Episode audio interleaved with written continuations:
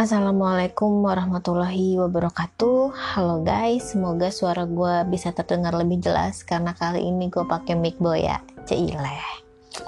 Oke, bersambung dari episode sebelumnya yang episode 10 gue bilang gue mau menceritakan bagaimana gue bisa mengalami kejadian mistis yang lebih deep dan yang uh, nano-nano lah pokoknya.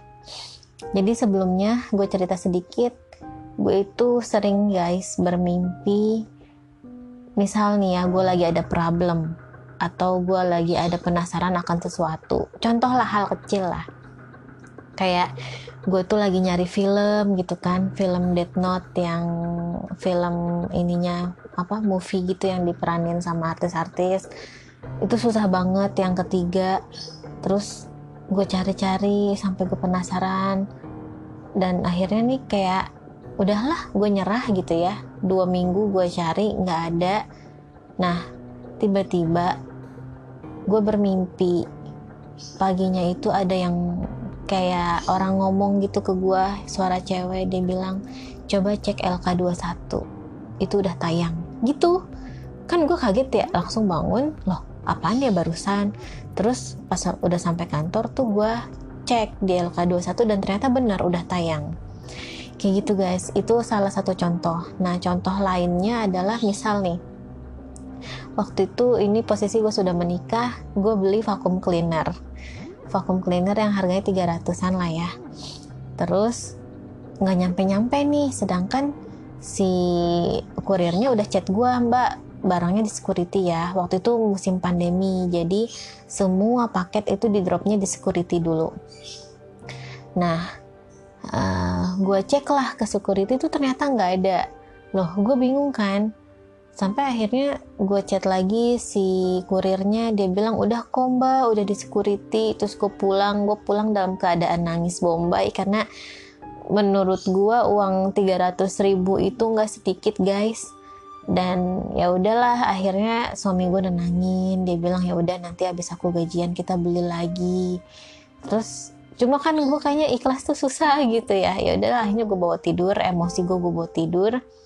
Nah, gue tidur sampai sore sekitar jam setengah lima. Pas mau bangun tuh ada suara lagi. Kayak dia nih bilang paketnya udah ada di security. Kayak gitu. Terus gue balik lagi gue bengong, gue mikir nggak lama handphone gue bunyi. Ternyata si kurir itu telepon. Dia bilang bu maaf saya salah kirim ke perumahan lain yang deket-deketan sama perumahan ibu. Paket ibu udah ada di security ya gitu. Terus ada chat dari nomor lain juga ternyata itu security gue dia bilang bu paketnya ada nih di sini. Ternyata si kurirnya salah kirim gitu gitulah itu kok kok aneh kok kok bisa? Yang barusan tuh apa gitu. Nah gue tuh sering kayak gitu guys. Sering banget. Sampai gue pernah cerita ke temen gue dia bilang gini ku lu ngasah ku. Kalau misalnya lu ngasah itu mantep tuh kata dia gitu. Cuma ya gue masih belum tahu gue mau ngasah ke siapa. Gue nggak ada kenalan yang ahli spiritual gue juga yang ya udah gue jalani hidup apa adanya aja. Dan ya udah akhirnya hal-hal kayak gitu ya berlalu gitu aja biarpun terkadang gue shock ya.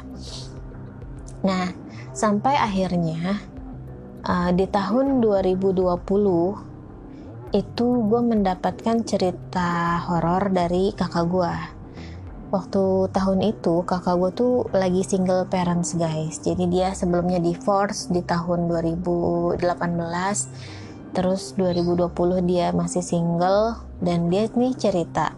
Dia cerita setelah selesai uh, silaturahmi Idul Fitri di tahun 2020 jadi ceritanya dia lagi silaturahmi ke rumah mamang gue nih di daerah curug juga. Tapi gue nggak ikut ya. Dia silaturahmi sendirian. Terus mamang gue ini kayak ngelihat dia tuh aneh gitu. Katanya dia nanyanya gini Dita ke sini sama siapa? Sendiri mang. Sendiri? gitu. Kok kayak aneh gitu? Pikir kakak gue kok aneh ya deh si mamang itu ya?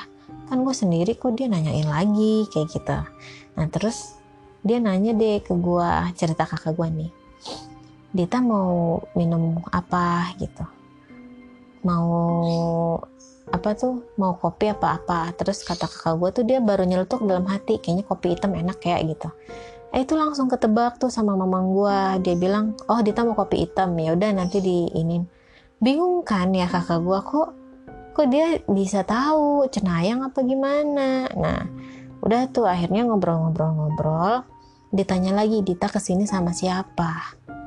Bingung dong kakak kakak gue kayak apa sih mang? Nanya yang hal yang sama berulang kali udah tahu Dita ke sini sendiri gitu.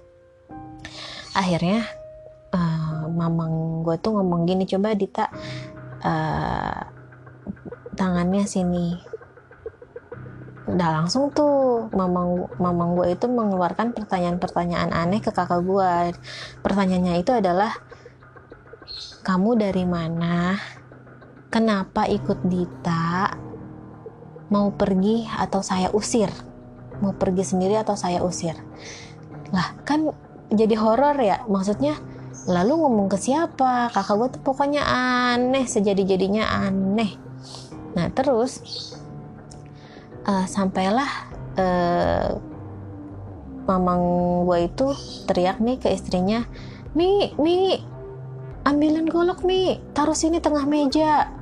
Kakak gue worry dong takut kayak anjir apaan sih nih? Gue mau dibacok apa gimana? Gitu kan. Ya udah akhirnya melakukan ritual-ritual kayak apa kalian tahu kan kayak orang yang mau ngeluarin orang kalau lagi kerasukan nah mamang gue tuh katanya posisi badannya kayak gitu gerakannya kayak gitu. Tapi kakak gue bilang tuh entah kenapa ya dek badan gue kayak nolak gitu kayak apaan sih? Terus kayak ya tiba-tiba aja gitu tangan kakak gue tuh ngelentik ngelentik tuh kayak kayak nepis semua gerakan mamang gue gitu. Ya udah akhirnya dari situ mamang gue katanya sampai keringetan dia juga bilang wah susah ini mah gitu. Nanti balik lagi aja dit. Kayak gitu-gitu cuma kan jadinya kakak gue bingung dan terheran-heran ya. Akhirnya dia cerita tuh sama gue apa iya deh ada yang ngikutin gue masa katanya yang ngikutin gue nih sinden dari laut. Cuma nggak tahu laut mana. Karena si sinden ini nggak mau bilang nggak mau cerita dia dari mana. Terus gue yang wah anjir serem amat nih kakak gue nah setelah beberapa hari kemudian karena mungkin si sinden ini ternotis ya sama kakak gue jadi dia tuh kayak kakak gue nih secara tidak langsung uh, mengeluarkan pendapatnya atau kayak tebakan-tebakannya ketika ada teman-temannya yang lagi curhat. Dan itu benar semua. Misal kayak tiba-tiba nih kakak gue kedatangan temennya cowok yang sok-sokan mau goda-godain kakak gue tapi sama kakak gue langsung ditembak gitu kayak diginin ngapain sih lu ke gue gitu kan goda-godain. Inget bini lu lagi hamil.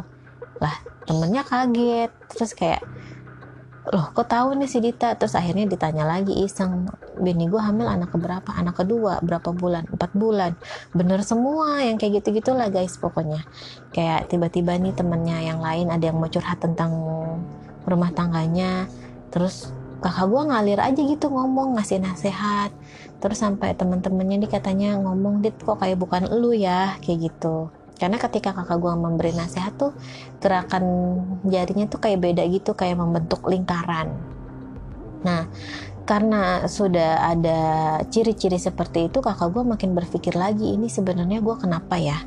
Apa gue datang aja ya ke ahli spiritual? Kayak gitu gitulah dan yang mana dia tuh ya mau nggak mau kan minta tolongnya pasti ke gue minta temannya ke gue karena ya memang gue udah deket banget lah sama dia sedeket itu karena ya gimana ya entah entah kenapa gue merasa mm, bisa bersahabat dengan kakak gue setelah dia divorce.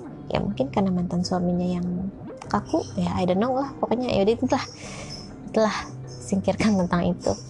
Nah lanjut akhirnya ya udahlah tuh gue dan kakak gue berkelana mencari tahu jawaban apakah benar, apakah iya, apakah ada sosok si sinden ini.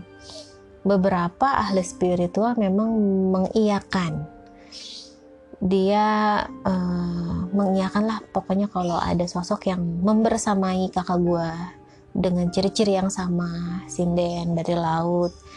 Nah terus terkadang nih kalau misalnya kakak gue lagi ada masalah yang rumit banget, tuh tiba-tiba kedengeran suara ombak dia bilang. Kayak apa ya kok gue kayak kangen pantai gue kedengeran banget suara ombak yang gitu gitulah nah tapi uh, gue cuma bisa berpesan sama kakak gue oke teh ini sudah fix bahwa lu diikuti jin gue nggak tahu itu hodam atau apa tapi ya semoga lu tidak musrik dengan adanya kemampuan-kemampuan lebih lu dari dia gitu. Selebihnya gue serahin ke lu mau lu ilangin atau mau lu biarin aja atau gimana tuh terserah. Nah sampailah akhirnya nah, kakak gue ini tuh masih yang penasaran gitu masih masih yang mau mencari tahu kebenaran tentang sosok si sinden ini yang mana akhirnya dia nanya ke gue dia lu ada kenalan enggak ada temen enggak sih yang orang bisa juga gue tuh pengen tahu gitu sebenarnya apa sih ini Nah, akhirnya gue berpikir, eh ternyata gue punya temen yang bisa lihat nih, namanya Jaya. Jadi Jaya ini adalah teman SMP gue, dia juga menjadi mak comblang gue dan suami gue, dan memang dia ini bisa lihat karena apa? Karena waktu pas zaman zaman gue ABG itu, laki suami gue nganjang, dia ikut, dia ngomong gini, uh, udah lah Vi cepetan yuk pulang yuk dari rumah si Milda. Rese ini di sebelah kanan ada kuntilanak kayak gitu. Nah gue kaget kok nih si Jaya tahu. Sedangkan kan emang tuh di samping rumah gue kan emang ada kuntilanak kan kayak yang gue bilang. Gue sering banget mendengar suara kunti di samping rumah gue padahal tuh gue nggak pernah cerita sama dia dan suami gue saat itu pun juga nggak pernah yang cerita tentang horor atau bagaimana. Nah gue percayanya dari situ. Dan uh, pernah ada beberapa waktu tuh ketika gue sudah berumah tangga suami gue main ke dia terus kayak dia tuh kayak pegel-pegel gitu pundaknya ternyata kata si Jaya ini suami gue ketempelan kuntilanak di depan rumah. Depan rumah gue yang udah misah ya guys. Nah kembali ke cerita kakak gue ya sudah tuh akhirnya mereka bertemu lah di rumah gue ya. Kakak gue Jaya dan temannya. Terus gue suami gue nah itu bertemu ya memang ada gitu. Jaya pun mengiyakan. Cuman ya itu balik lagi maksudnya lu mau gimana teh? Kalau udah tahu. Mau lu biarin mau lu ilangin atau gimana. Kayak gitulah. Sampai ini kakak gue tuh kayak masih yang belum mengetahui lah maunya dia tuh kayak gimana. Nah paling setelah pertemuan itu si Jaya ini cuma interaksi sama si sosok ini katanya kalau misalnya ini tunjukin aja sosoknya di dalam mimpi kakak gua. Karena kakak gua ini penasaran kayak gitu guys. Nah ya udah tuh. Sampai akhirnya nih um, berlalu beberapa hari terus kak beberapa minggu juga terus kakak gue udah mulai berpikir apa gue ilangin aja ya dek gue takut musrik kata dia gitu ya terserah malah lebih bagus kalau misalnya diilangin gitu kan. Dan akhirnya terjadi lagi kejadian mistis di kakak gue tepatnya di anaknya dia yaitu keponakan gue anak kakak gue yang pertama itu dia badannya tuh panas guys. Panas sepanas panasnya terus gue bingung kata gue aduh ponakan gue kenapa nih? Katanya sih ketempelan. Karena ketika ponakan gue ini diurut terus tiba-tiba nih ponakan gue ngomongnya ngelantur aneh dia bilang minta kopi. Terus duduknya tuh udah yang dari tiduran diurut dia malah duduk sila bilang minta kopi. Ya langsung lah itu mah udah kesurupan fix dan untungnya nih yang ngurutnya juga orang yang tahu lah hal-hal spiritual kayak gitu ya sampai akhirnya diusir. Ngapain lu masuk ke anak kecil? Pergi nggak lu? Kayak gitu-gitu. Kasihan anak kecil.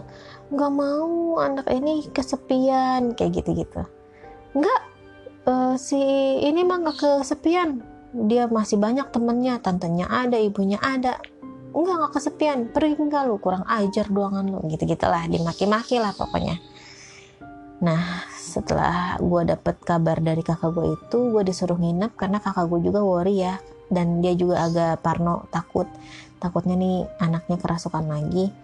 Ketika gue mm, menjenguk ponakan gue ini ya memang aneh gitu. Jadi dia posisi tiduran.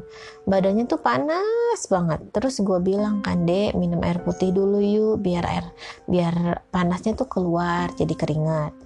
Terus dia nyautnya gini nggak mau nggak mau. Aku mau lihat-lihat orang-orang nih di luar. Gitu.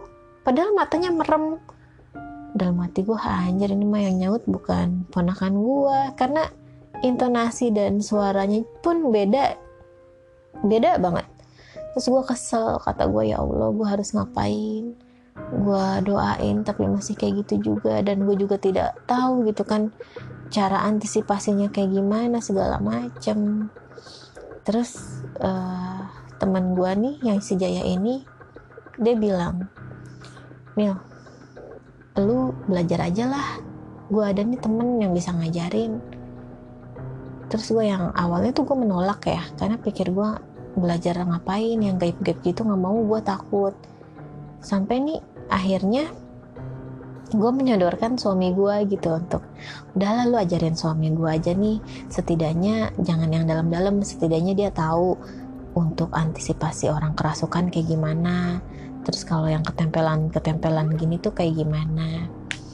Kayak gitu. Nah ya udah akhirnya suami gue belajar tuh ceritanya ya guys. Belajar tapi ya untuk caranya gue mohon maaf banget gue nggak bisa cerita karena kalau untuk urusan mistis kayak gini tuh kayak ada beberapa pakem-pakem yang harus kita keep yang nggak boleh kita bocorin. Jadi ya ya mohon maaf banget gue nggak bisa cerita.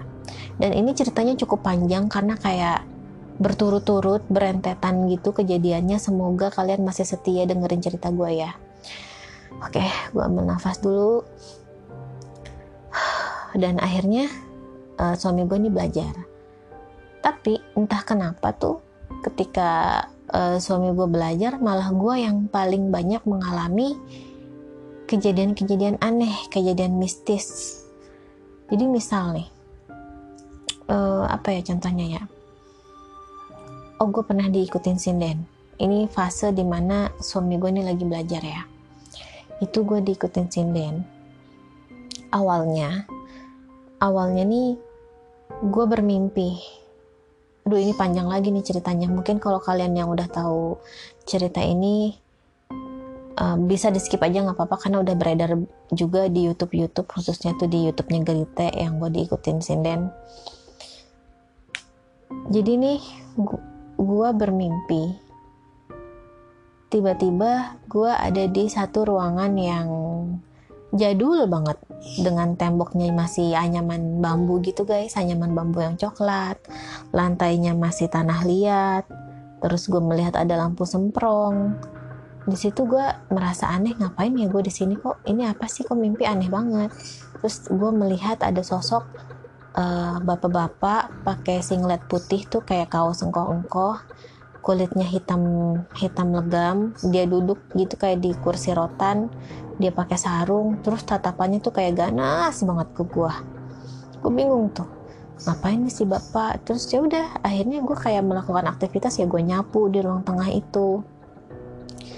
Nah sudah nah nggak lama kayak skin apa skin lagi scene, scene tuh berganti gitu. Kayak kita nonton film tiba-tiba layarnya tuh bergerak sendiri berubah scene berganti menjadi nuansanya ini kamar gue gitu. Kamar gue di tempat yang gue saat itu lagi tidur.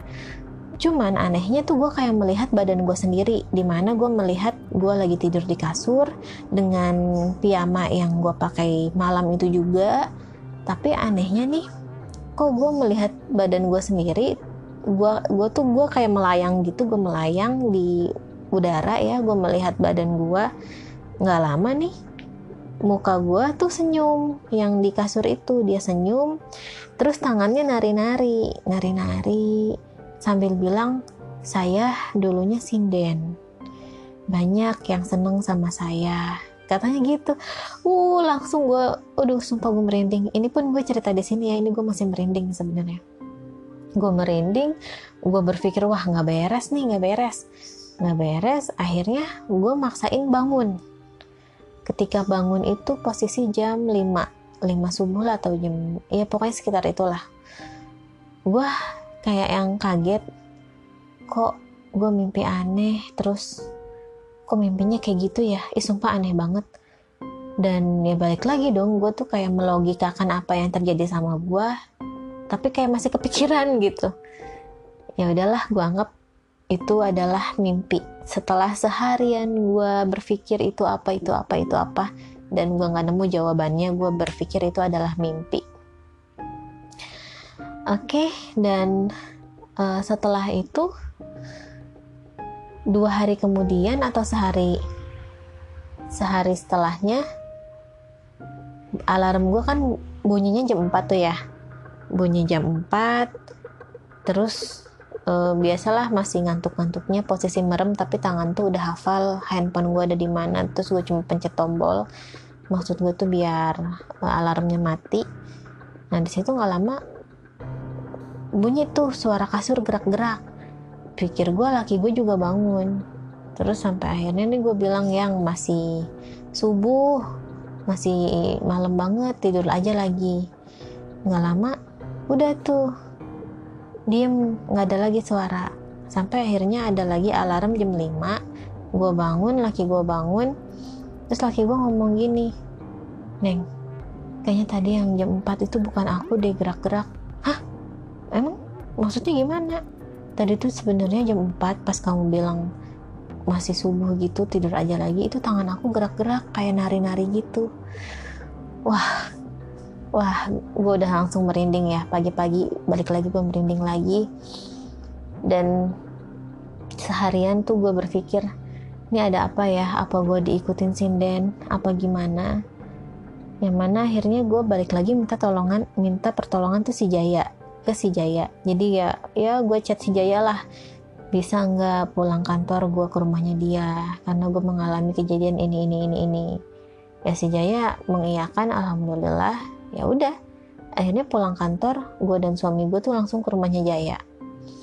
Nah di situ setelah gue bercerita hmm, gue sebelumnya kan gue ada suges kalau kok kayaknya si sinden ini dibunuh suaminya ya yang gitu.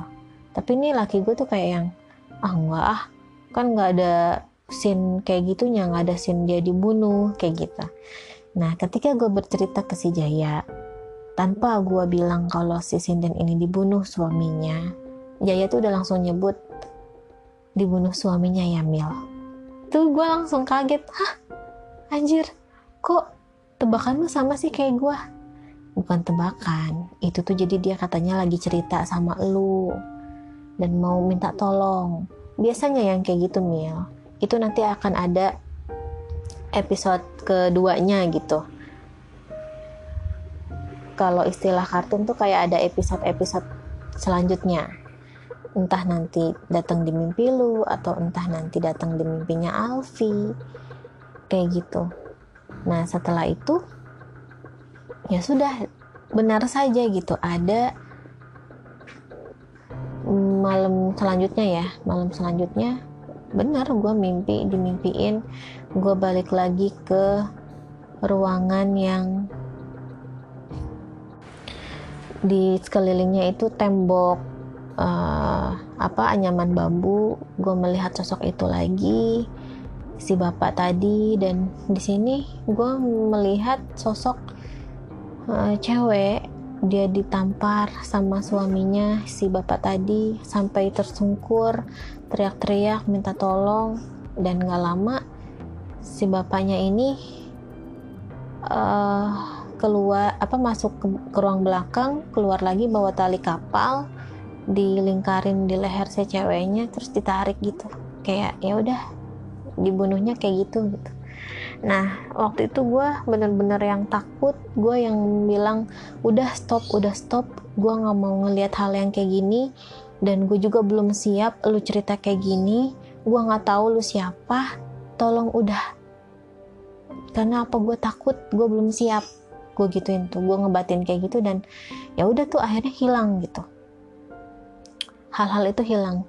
Sebenarnya sih bukan kayak mimpi juga ya, jadi posisinya tuh gue kayak rep terus uh, badan gue nggak bisa gerak gue berkeringat karena ya oh luar biasa banget gitu kejadian kayak gitu dua kali loh gue uh, dapat mimpi yang sama dengan muka yang sama dengan latar belakang yang sama kok bisa gitu kan kalau dibilang mimpi kan abstrak kalau mimpi ya. Tapi kalau sampai yang terulang tuh kayaknya aneh gitu. Nah ya udah akhirnya gue bangun gue buka mata badan gue udah keringet keringatan parah panas dingin. Terus gue nangis gue uh, kodein suami gue bahwa gue dalam posisi yang sedang tidak baik-baik saja. Ya udah laki gue di situ cuma bantuin doa sambil ngelus-ngelus pundak gue gitu punggung paginya gue chat tuh ke si Jaya. Gue bilang apa yang gue alami di mimpi kedua tuh gue ceritain semua. Terus ya udah si Jaya udah langsung bisa nebak pakai tali kapal ya Mil. Kayak gitu. Terus ya gue tuh yang aduh ya Allah kok serem banget gitu. Tebakannya Jaya bener cuma ya intinya itu minta tolong. Terus Jaya bilang gini sebenarnya lo bisa kok ngehalaunya atau ngantisipasinya. Lo bisa kok kata dia gitu. Cuma ya udah dari situ uh, malamnya lagi gue membatin gue ngebatin gue bilang siapa pun kamu yang muncul di sos yang muncul di mimpi gue tuh dalam bentukan sinden itu uh, gue mohon banget jangan ganggu lagi jangan ikutin gue lagi. Gue bukan siapa-siapa gue nggak bisa nolong lu. Tolonglah pindah ke orang-orang yang bisa dimintai tolong which is itu orang-orang yang mengerti gaib gitu ya. Jangan ke gue lagi. Nah kayak gitu guys itu adalah contoh beberapa bukan beberapa sih salah satu yang gue alami ketika ya suami gue tuh belajar. Malah gue gitu yang uh, banyak melihat. Setelah itu ya udah bener. Kesensitifan gue ini makin menjadi-jadi sampai akhirnya nih si Jaya bilang ke gue Mil tes rasa yuk kata dia gitu ketika gue main lagi ke rumahnya dia di kesempatan selanjutnya gitu dia bilang Mil tes rasa yuk Nah, tes rasanya itu seperti apa? Bersambung ke episode selanjutnya ya, guys. Terima kasih.